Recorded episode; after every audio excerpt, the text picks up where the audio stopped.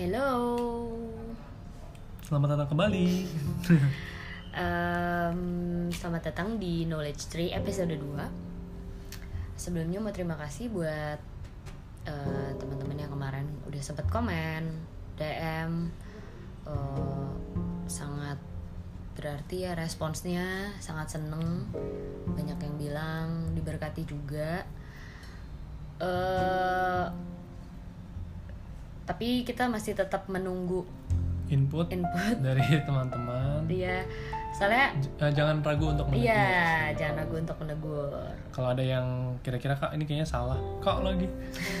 Kalau ada yang salah atau ini nggak biblical nih gitu ya atau kurs kurs. Ya itu tolong ditegur juga kitanya. Supaya kita member memberkati. Soal banget. Kita juga bisa sharing yang sesuai gitu dengan Bible. Help us to help you. Oke. Thank you. Nah hari ini kita mau bahas tentang who is a Christian. Em, topik yang menurut gue sangat sangat apa ya? Sangat unik sih who is a Christian. Mungkin terdengarnya gampang tapi ternyata susah. Kalau digali susah. Iya. Nah, sebelumnya intermezzo dikit ya. Jadi kemarin ini eh, gue nonton Captain Marvel. Marvel ya ngomongnya bukan Marvel. Oke. Dia adalah Marvelous. hero perempuan pertama di Marvel Pictures gitu. Nah, tapi lucunya di sini ketika gue nonton dia itu kan menggambarkan bagaimana eh, kekuatan seorang perempuan yang datangnya dari diri sendiri gitu. Makanya ada masa di mana dia tuh bilang eh, I don't know who I am gitu. Jadi waktu ada kejadian di mana dia tuh juga bingung sama dirinya sendiri karena dia tuh lupa ingatan dan terdampar di sebuah galaksi. Jadinya dia tuh bingung dia tuh siapa. Nah, ketika ada alat yang dimasukin ke kepalanya, aduh ini agak susah ya kalau misalnya belum nonton. Iya. Jadi ini bayanginnya adalah waktu alat itu dimasukin, eh, dia sempat bilang gitu loh, eh, pas dia udah bisa mengalahkan pemikiran yang didoktrin, eh, dia tuh sempat ngomong adalah, now I know the truth. Terus dia ngomong lagi, the truth. Has set me free. Has set me free ya. wih padahal gue belum nonton. Ya gitu itu menggelitik banget gitu. Mungkin kalau buat sebagian orang maksudnya mungkin karena gue eh, punya perspektif Kristen makanya gue merasa wah ini ada di Bible gitu. Nah, tapi gue jadi kepikiran aja gitu ketika orang yang nonton itu nggak back to Bible hmm, itu agak danger ya gitu. Itu yang ada di pikiran gue ya waktu gue keluar dari bioskop gue merasa kayak wah gila filmnya tuh value Bible banget gitu. Kayak ketika lo tahu kebenaran lo tahu di lo tahu diri lo tuh siapa gitu. Hmm. tapi dia kan jadinya klaimnya dari self. Jadi dirinya sendiri yang menentukan dia yes siapa. betul. Karena temennya bilang lu tuh mm, super power lu tuh perempuan yang kuat dan bla bla bla gitu. Hmm, lu tuh bisa karena lu gitu. Dan itu yang wah gak sama nih pemikirannya sama gue karena ya as a Christian I know kita itu bisa bukan karena kita tapi karena Tuhan nah di sini makanya kita mau ngomongin tentang who is a Christian Hmm. mungkin dari Ivan sendiri ada tanggapan Iya, iya. dengan itu Marvel kayak itu lucu banget sih kalau kita bayangin ya nih Hmm. orang kan jadi identitas dia dari dirinya sendiri gitu Hmm. tapi dia bisa bilang apa yang dia rasakan itu truth ya gak sih tadi kan Iya. dia nanya kayak I, Standar now I know, truth-nya ya. now I know the truth the truth has set me free tapi dia sendiri yang menentukan truthnya itu kan sebenarnya gambaran zaman Now. culture di mana kita hidup kan ya nyambung dengan minggu lalu yang kita bilang truth itu makin relatif Yap. siap ya lu bisa menentukan truth lo sendiri Hmm. Padahal harusnya nggak kayak gitu. Nah, menariknya beberapa waktu lalu gue juga habis dengerin podcast dari Raffi Zakarias. Zakarias. Dia ada juga yang ngomong tentang identitas. Yap. Ada dua nih ternyata kita hidup di zaman sekarang itu identitas antara self construction atau self discovery. Hmm. Bedanya apa? Nah, Captain Marvel ini sebenarnya gambaran dari self construction.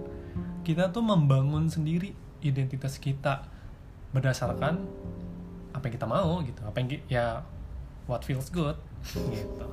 Nah, makanya di situ mungkin Captain Marvel kayak karena lu punya superpower, lu jadi punya identitas. Iya. Bla bla bla. Itu artinya kan Identitinya tuh I am who I am. wow.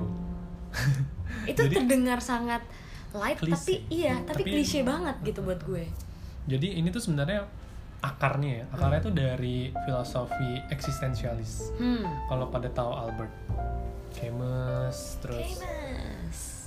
Friedrich Nietzsche nah itu kan semua tokoh-tokoh yang cukup dikenal Hmm. sebenarnya dia itu idenya adalah existence kita existence kayak Mhm. keberadaan kita tuh mendahului uh, meaningnya Oke. jadi lu ada dulu baru lu ciptain meaningnya Oke. berbeda berbanding terbalik dengan self discovery self discovery itu artinya kan itu udah ada dulu kan meaningnya Iya. kemudian kita discover our Iya. meaning itulah kenapa kalau misalnya self discovery which is biblical itu kita kan child of God kalau kita menerima Yesus ya kan dan kita ketika kita uh, terima Yesus Mhm. ya kita dapat identitas itu tuh ada dan Yep. kita yang discover dah Yap. itulah berarti perbedaannya kalau tadi itu dia kita berada dulu baru dikasih meaningnya tapi kalau di Kristen atau self discovery identitasnya itu udah ada apakah kita mau gitu mengambil itu Oke. makanya tapi ini harus kalau misalnya pada bingung harus dibayangkan bahwa Tuhan itu udah mati untuk once and for all kan. Sebelum kita ada itu kita udah Tuhan tuh udah mati buat kita. Yap. jadi Oke. udah duluan gitu udah ada identitas kita tuh udah ada duluan sebelum keberadaan kita. Begitu itu perbedaannya. Makanya identitas orang Kristen itu adanya di Alkitab diberikan oleh Tuhan bukan kita construct ourselves Hmm. gitu itulah kenapa mungkin kalau teman-teman mau coba relate ke kehidupan sehari-hari pasti ada lah ya satu dua orang yang teman-teman bisa bayangkan harus ngikutin zaman terus membuat image-nya di sosial media yang sedemikian rupa Yap. dengan dalih bikin portofolio atau ngerapihin feed gitu. itu kan sebenarnya bukan berarti itu salah ya tapi ada yang dengan motivasinya adalah membangun image-nya gitu loh Ya. Itu berbeda dengan kita yang uh, Christian our identity secured in Christ Jesus Oke. gitu Nah, ngomong-ngomong identity ya di hidup yang makin abu-abu ini gitu, maksudnya eh, apa ya? Jadi jadi bingungin gitu loh semuanya gitu. Tadi ngomongin juga sosial media, terus eh, apa lagi ya? Banyak lah ya. gimana image di dunia digital lah ya jadi Iya, kita kayak betul. punya dua persona gitu Nah, tapi gimana sih kayak what is the truth gitu? oh ya ini nyambung ke pertanyaannya si Captain Iya. Marvel tadi ya Mm-mm. kalau teman-teman kita mau balik ke Bible sebenarnya di Yohanes 18 kalau nggak salah sebelum Yesus itu diserahkan untuk disalibkan ada satu momen di mana si Pontius Pilatus tuh nanya sama Hmm. Yesus kan ada percakapan sedih. antara dia berdua. Kan dia tanya kan are, so are you the king? Gitu loh. Kayak ya my kingdom is not of this world. Nah itu salah satu intermezzo juga Iya. ilmu buat teman-teman. Itu salah satu uh, passage di mana Yesus itu bilang dia emang raja gitu. Cuman Yap. kerajaannya bukan di dunia yang ini. Nah setelah itu kan selan- berlanjut Pontius itu udah nanya gitu sama Yesus. Ini pertanyaan penting banget sebenarnya. Hmm. what is truth? Itu ada di Yohanes itu Pontius Pilatus nanya hal yang sama cuman sayangnya si Pontius Pilatus tidak menunggu jawaban Yesus dia langsung berbalik ke arah si orang Farisi itu ya dan melanjutkan gitu dia jadi Iya. dia tuh nanya tapi dia nggak menunggu jawaban Iya. nanya cuma buat nanya. Hmm. dia nggak sadar gitu bahwa apa yang dia tanya sebenarnya dia sedang berhadapan dengan kebenaran itu sendiri ingat ya minggu lalu kita bilang bahwa Yesus klaim dirinya adalah kebenaran jadi waktu si Pontius Pilatus tuh nanya what is truth sebenarnya pertanyaan yang seharusnya adalah who is the truth Iya. kayak tahu Tentang siapa tapi bukan apa. ya karena itu ultimately kayak gitulah misalnya kita ngomong kayak em, ada satu hal yang benar tapi kalau kita nggak percaya sama orang ya kemungkinan besar kita nggak akan percaya omongan dia gitu walaupun omongannya benar Ya. Hmm. misalnya ada orang yang sering bohong terus dia bilang satu tambah satu sama dengan dua Oke. kayak mungkin kita akan meragukan gitu Ya. Oke. Nah, eh, udah ngomongin truth nah kalau dari truth ke Who is a Christian? Iya, siapanya gitu kan. Hmm. Ini kita jadi ngomongin ini kita jadi menarik ke diri kita yang melabel diri sebagai Christian. Christian. Em, apa aja sih maksudnya kayak gimana sih caranya untuk jadi Christian yang Hmm. baik di angkatan yang bengkok hatinya. Iya. wow. Jadi tadi kita udah sempat ngomong tentang dunia yang abu-abu. Orang tuh bakal ada yang ngomong yang benar menurut lo belum tentu benar menurut gue. Itu kan daerah abu-abu dia bilang gitu. Tapi sebenarnya kita bisa jawab abu-abu itu terdiri dari hitam dan putih. Jadi tetap aja ada hitam dan putih gitu. Walaupun lo bilang abu-abu, abu-abu tidak akan ada tanpa hitam dan putih. Iya. Nah, em, gimana kita membedakan diri sebagai orang Kristen? Kita harus balik ke apa yang Tuhan Yesus bilang. Hmm. Dia bilang kan siapa pun yang mau mengikut aku harus menyangkal diri satu, Dua. memikul salib, Dua. nah, tiga mengikut Follow. dia gitu kan. Jadi ketika kita bilang oh I'm Christian, I follow Jesus, lo harus tahu ada tadi syarat satu dan dua gitu yang lo harus iyain dulu sebelum Iya. follow me. Itulah pentingnya Baca. membaca membaca ayat Alkitab tanpa dipenggal. dan di meditate ya kan Iya. jadi kita bilangnya kan meditate on my word jadi bukan cuman read my word Nah, Um, tadi ngomongin identity itu udah bisa masuk ke menyangkal diri ya. hmm, Kayak menyangkal diri itu salah satunya adalah bagaimana kita bisa menjadi serupa Kristus. hmm, hmm. ya itu kan susah banget ya bahkan kayak impossible lah untuk kehidupan saat ini itu dia sebenarnya menjadi akar kenapa kita sering dicap munafik sebagai orang Kristen Itu kayak ya sering sih. ya jadi uh, ini pengalaman ya Hmm. misalnya kayak lo dibilang eh Van lo kan lo aja nggak suka ngomong jorok gitu ngapain sih lo ke gereja gitu? Ya maaf ya teman-teman emang mood gue kasar. Itu pikul salib gue ya. Nah itu masuk ke poin kedua. Itu salib gue yang harus gue pikul. Mood gue kasar. Nah deny myself tuh maksudnya kan Tuhan yang membenarkan kita ya. Justify. Hmm, betul. karya Kristus justify ourselves jadi kita sudah dibenarkan karena dia bukan oleh kita. Ngerti gak? Betul. ya jadi pas orang lain bilang munafik lo bisa jawab kayak lo betul sih gue munafik itu kenapa gue ke gereja jadi bukannya karena gue munafik jadi gue berhenti ke gereja justru karena gue munafik gue harus ke gereja terus gitu Betul. Nah. Karena church church is a place I don't know church is not a place for saints bukan untuk orang yang suci tapi, like a hospital for the sick Yesus aja datangnya untuk orang yang sakit ya dia bilang Iya. bukan yang orang yang benar. Em, tadi gue bilang apa ya?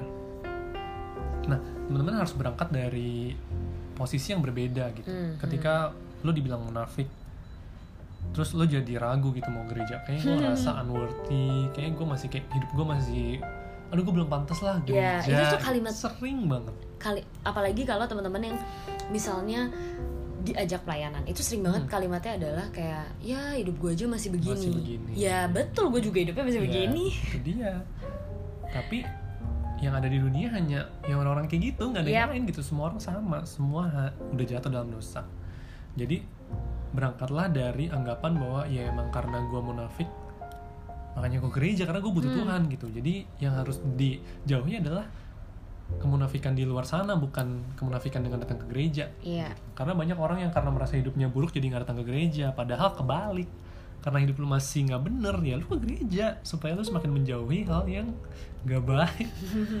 Deep down kan lu tahu gitu yang nggak baik tuh yang lu lakuin bukan ke gerejanya. Hmm, kan tapi ya itu ya. Iya jadi kayak ada guilty yang ditanemin sama orang lain gitu. Betul. Itu Dan dia kenapa harus baca Bible terus Hmm. karena kadang tuh kita harus menjaga-jaganya setiap hari ya. Iya. nggak bisa cuma Kadang tuh itu- oh my god itu iblis banget sih bohong gitu loh. Karena menurut gue ya iya benar. Yang yang yang harus kita perbaiki kan bagaimana kita di luar. Mm-mm, bukannya di gereja. Di gereja semua orang juga punya dosa. Semua belum ada yang sempurna. Gini ga- anggapan gampangnya misalnya tadinya 100% jahat. Mm-mm. terus lo terima Tuhan Yesus gitu kan ya Tuhan gue tahu gue gue brengsek banget. Gue 100% gue jahat I'm a sinful man gitu.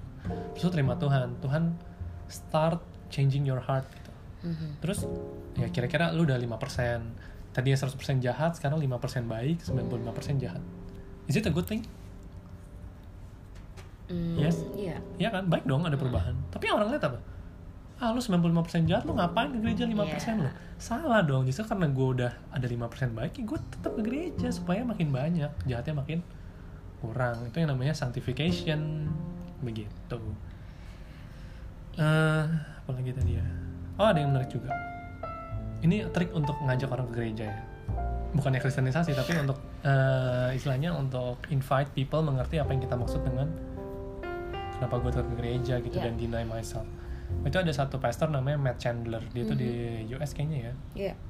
dia bilang gini Matt lu ada orang ngomong sama dia Matt kenapa lu tetap kenapa lu jadi pastor di gereja? Kayaknya hidup lu kayak gitu-gitu aja. Kayak lu juga ada dosa A B C yang mungkin dia tahu.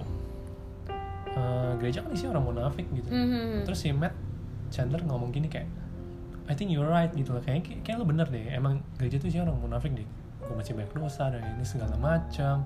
Terus tau gak dia tutup dengan gini kayak I think you should join us because you you will fit right in. Kayak Ngerti. eh, kayak kayak lu juga salah gitu sama. lu juga banyak Iya. dosa kenapa lu nggak join us aja karena ya church is a hospital for sick gitu Iya. itu hal yang menarik Nah, ini ini udah ngomongin menyangkal diri ya gitu. Bagaimana kita itu bisa punya hmm, identitas yang jelas di dalam Kristus dan bagaimana kita juga Menghidupi. bisa menghidupi sesuai dengan firman lah istilahnya kan susah ya Mm-mm. Uh, Maksudnya menghidupi apa yang kita baca di gereja, menghidupi apa yang kita tahu gitu. Karena mm, ya penyakitnya gitu ya, kayak iya gue tahu kok. tapi nggak dilakuin Iya. Nah itu yang maksud dengan deny ourselves ya. Betul. Kayak apa yang istilahnya kan kedagingan kita maunya Mm-mm. menang sendiri, maunya mencapai apa dapat yang kita mau, Betul. padahal itu mungkin merugikan orang lain.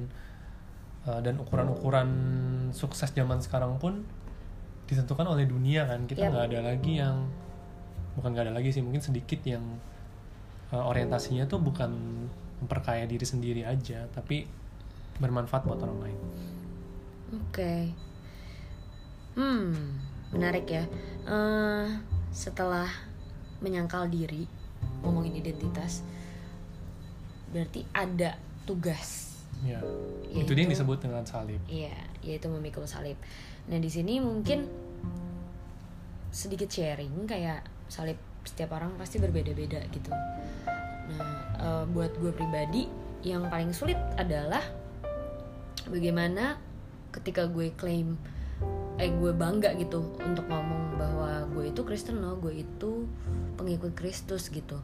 gue pelayanan gue ini gue itu ya nggak perlu ngomong pelayanan gue ngikut Kristus. Itu tuh udah jadi beban banget buat gue karena setiap lo ngomong kayak gitu comparisonnya itu Jesus gitu loh. Ya benar. Dan itu nggak ada em, istilahnya agama lain atau kepercayaan lain yang klaim bahwa follow one person. Ya pasti mengikutnya sistem biasanya yang Iya. lain tuh. Another way atau another system. Sedangkan kita the only one that claims to follow a person. Ya Jesus sendiri dia bilang kan I am the way gitu. Makanya kita follow a person. Dan itu susah banget. Makanya itu menurut gue berat banget karena ketika kita bilang I'm Christian itu udah udah jadi orang salib. tuh, orang tuh expect lihat Jesus dalam kita gitu padahal Betul. aduh susahnya. Mm-mm, apalagi pas dijalani sehari-hari itu wow. Luar biasa ya. Em, tapi yang dimaksud dengan salib tuh apa sih di? Mungkin bisa dijelasin kayak tadi kan salib orang nggak sama kalau salib lo apa gitu misalnya. Biar orang Salib. tahu. Hmm, salib apa sih yang apa dimaksud ya? dengan salib? Kayak apa sih gitu salib gue ya itu ya mungkin karena tadi gue udah ngomong waktu gue bangga memberi label kepada diri gue bahwa ya I'm a Christian itu beban beban image of God itu ada di gue gitu. Nggak perlu lah ngomongin orang lain gitu. Di rumah gue juga udah pernah ditegur karena dulu gue aktif banget pelayanan dan ditegur sama orang Orang terdekat gitu loh orang rumah itu kan orang terdekat ya jadi bokap gue sempet bilang gitu kayak buat apa pelayanan kalau nggak bisa melayani dengan baik di rumah gitu. Itu menohok? Itu menyakiti hati sih gitu karena eh ya benar gitu. Ketika kita baca firman ya kita harus perhatikan gitu loh. Kayak Hmm. kadang kita tuh hanyut dalam kalau gue orangnya hanyut dalam ministry maksudnya dalam pelayanan terus akhirnya jadi lupa yang lain gitu lupa orang sekitar ya gitu salah satunya adalah keluarga gue sendiri padahal Tuhan tuh bilang hormati ayah ibu terus love others as you love yourself ya mengasihi love neighbor deh love your neighbor Iya, Ya. mengasihi orang. Ya keluarga itu kan adalah tier pertama kan. Hmm. Tapi gue nggak bisa bersinar di keluarga tuh kayak hmm, hmm, hmm, gitu. susah sih Nah itu yang gue menjadi apa ya salib gue juga gitu Hmm. karena menurut gue hmm, apa ya susah banget untuk berat banget gitu untuk uh, walk the talk aja sih maksudnya Hmm. karena gue orangnya suka sharing juga tentang kekristenan dan kalau misalnya itu nggak sama sama kehidupan gue itu bakal jadi eh, bakal ada omongan tentang munafik tadi dan Betul. kenapa itu kita penting identitas dalam Kristus Nah, kalau lu sendiri gimana, Van? ya kalau gue karena tadi background minggu lalu deh minggu lalu background gue teman-teman udah tahu ya I'm not from a Christian family jadi ya beban salib gue adalah gue mau menjangkau keluarga gue Hmm. terus em, contohnya dua, dua tahun lalu deh waktu mau Natal itu gue berpuasa gitu. Puasa gue pengen Tuhan gue pengen beriman gitu. Gue mau puasa sebulan gue pengen ngambil invitation buat kebaktian Natal gue mau undang keluarga gue gitu. Mm-mm. udah udah 9 tahun nih gue jadi orang Kristen masa nggak ada perkembangan?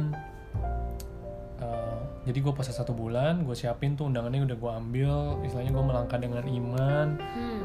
akhirnya pas udah deket uh, kebaktian Natal tuh pengen gue kasih undangannya kayak pertama gue liat adik gue karena kan lebih kecil pasti lebih enak kan. Adik gue kan lebih kecil jadi ya adik pasti lebih kecil sih. Jadi gue kasih terus adik gue bilang gini bang lu yakin lu mau undang? Kayaknya pada nggak mau deh. Dia ngomong gitu terus gue sakit hati gitu kayak Hmm. sakit hatinya bukan sama sama dia sih tapi sama Tuhan gitu. Kenapa kenapa kayak gini ya? Kan gue udah puasa gue udah Udah berusaha. A B C D gitu lah tapi tanpa sadar ternyata gue jadi merasa menghutangi Tuhan Iya. gitu Tuhan gue kan udah A B C kenapa nggak terjadi gitu. Hmm. ini kan sama aja gue masih terperangkap dari uh, worldview gue sebelumnya bahwa gue harus works work something gitu lo harus do something untuk dapat berkatnya Tuhan Hmm. padahal kan kita berbeda jadinya sekarang Hmm. ya kan makanya satu bulan itu gue jadi mikir gue jadi kecewa sama Tuhan tapi em, Tuhan ngajarin gitu hubungan dengan Tuhan tuh nggak kayak gitu Hmm. bukannya lu nagih gue karena lu ngelakuin sesuatu Yap. gitu nah akhirnya tahun kemarin ya gue nggak nggak puasa dan nggak lain-lain gue hanya fokus gimana caranya gue mau jadi better Christian aja di rumah Yap. gue spend more time with my sister kita nonton Netflix karena dia suka nonton Netflix walaupun gue gak gitu suka nonton ya dibanding baca buku ya gue spend time 1-2 jam per hari kita nonton ngobrolin hal yang dia suka terus surprisingly gue gak kan gak ngajak mereka ke gereja kan. Tapi tanggal 25 Desember itu gue pulang ke rumah ada kartu ucapan Natal dari dia dong. Yap. kayak gue sampai bilang ke Odi gitu kayak my heart is full. Menurut gue Tuhan tuh ngajarin bahwa lu love aja love people gitu. Kalau lu tulus nggak ada agenda ya lu akan rasakan gitu. Maksudnya experience loving people tuh menyenangkan sekali gitu. Hmm. Itu sih maksudnya pikul salib tuh jangan dibawa kayak beban oh gue harus ngelakuin ABC kayaknya itu jadi tanggung jawab. Itu kita jadi legalism jadinya. Ada sekian aturan yang lo harus ikutin bahwa lu berdapat berkat Tuhan. Well it's a joy for God gitu untuk give you something. Tapi apakah lu punya willingness punya motivasi yang sama dengan dia gitu untuk menjangkau orang-orang untuk uh, mengalami kasihnya dia? Gitu. Iya, untuk uh, nge-wrap up cie nge-wrap Weh. up. Em, kan tadi udah belajar bagaimana kita menyangkal diri, bagaimana kita pikul salib. Nah, em, ya yang paling yang paling harus kita ingat adalah ketika kita tahu kebenaran kita juga menghidupi kebenaran itu know the truth Live and, the truth. and live the truth karena mm, eh, inget eh, jadi inget pa- eh, sermon dari salah satu pastor di gereja dia kalau teman-teman tahu kan di Pinterest atau di mana gitu suka ada yang tulisannya kayak eh, more of you less of me gitu. Hmm. terus dia bilang bahwa it's not about more of God gitu. Karena Tuhan itu udah maha kata dia gitu. Inget banget Tuhan itu maha. Seharusnya gitu yang ditekankan adalah less of us gitu. Deny ourselves. Iya, bagaimana kita mencintai apa yang dicintai Tuhan dan membenci apa yang dibenci Tuhan gitu. Kita semakin mirip ketika kita mencintai orang, kita semakin mirip sama dia. Hmm. Terus jangan lupa juga untuk Uh, receive the grace and share the grace artinya kalau kita cuma tahu kebenaran kita akan cenderung judgmental gitu kan ya, ini kan salah gua bener gitu kalau kita share the truth tapi tanpa grace itu jadinya kasar gitu orang Iya. nggak akan mau denger jadi the way we talk itu juga sama pentingnya dengan apa yang kita bicarakan. Ya tuh jadi gue juga beberapa kali dengar orang yang merasa oh di Kristen kok gue harus deny ourselves? Kayaknya gue nggak berarti gitu ya. Semuanya harus ikutin apa yang maunya Tuhan. Padahal harusnya dengan kita menjadi orang Kristen kita Mm-mm. tuh sadar. Sebelum eh, Tuhan Yesus tuh mati saat where we are whi- while we are still sinners gitu kan artinya kan kita begitu dicintai saat kita masih bobrok banget gitu. Kita nggak worthy apa apa betul kita tuh worthless. Itu kesadaran kita bahwa gila gue segini jahatnya sebagai manusia tapi Tuhan mati buat gue gitu. Jadi jangan eh, emphasize atau menekankan di gue worthless banget. Tapi lu juga harus di saat yang bersamaan lu harus sadar how worthy you are gitu loh sampai Tuhan mau datang ke sini dan mati buat lo. Begitu. Oke. Wow, hari ini berat-berat Panjang. Berat-berat menyenangkan ya. Eh, jadi kita mau apa namanya? Mau nge-recap lagi.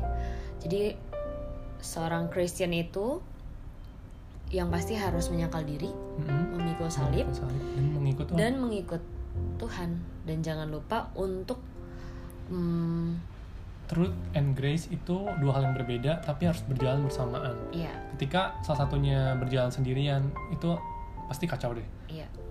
Jadi eh, selalu ingat untuk know the truth, live the truth, receive the grace and share the grace. I think that's all. oke Nah, terima kasih buat teman-teman yang udah dengerin episode kedua kali ini dan see you in next episode. ya episode berikutnya em, kita akan bahas what does it mean to be successful gitu sebagai orang Kristen apa sih yang dimaksud dengan Kata sukses. sukses gitu see you next week God bless you.